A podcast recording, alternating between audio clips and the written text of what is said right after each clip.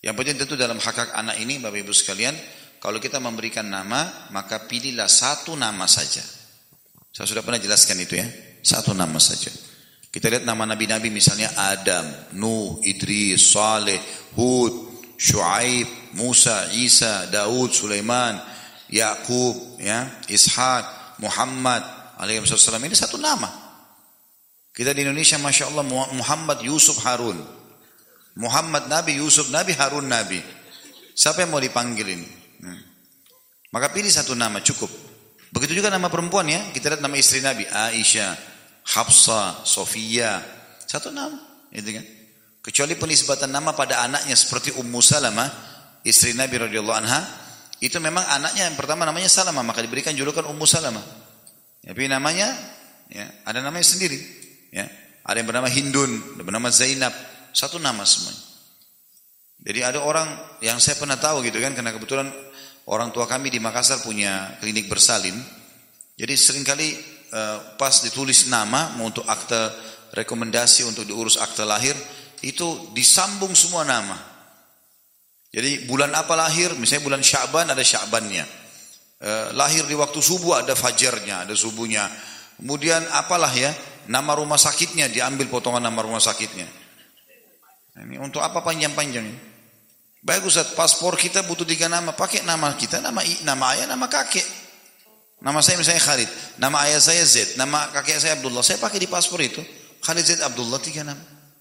Malah kita bisa selalu mengenang nama ayah dan nama kakek kita kan. Itu menelusuri jalur nasab baik. Jadi bukan nama kita sendiri. Ini termasuk adab dalam nama.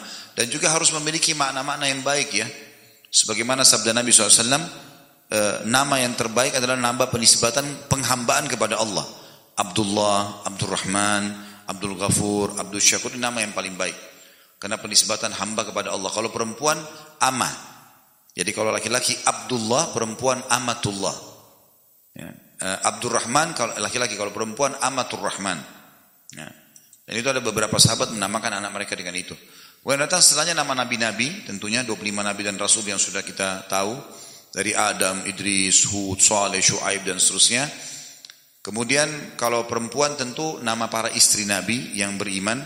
Dan itu atau nama-nama yang disebutkan punya kedudukan dalam Islam seperti Maria ya uh, istri Nabi SAW ya ada Maria ada Sofia ada Zainab ada Hindun ya uh, ada banyak istri Nabi SAW Aisyah Hafsah uh, kemudian ada anak-anak Nabi sudah kita tahu ada Ruqayyah Ummu Kalthum Zainab ya ada Fatimah kemudian istri Nabi yang juga Khadijah ini semua kata Nabi SAW empat wanita yang telah disempurnakan akalnya.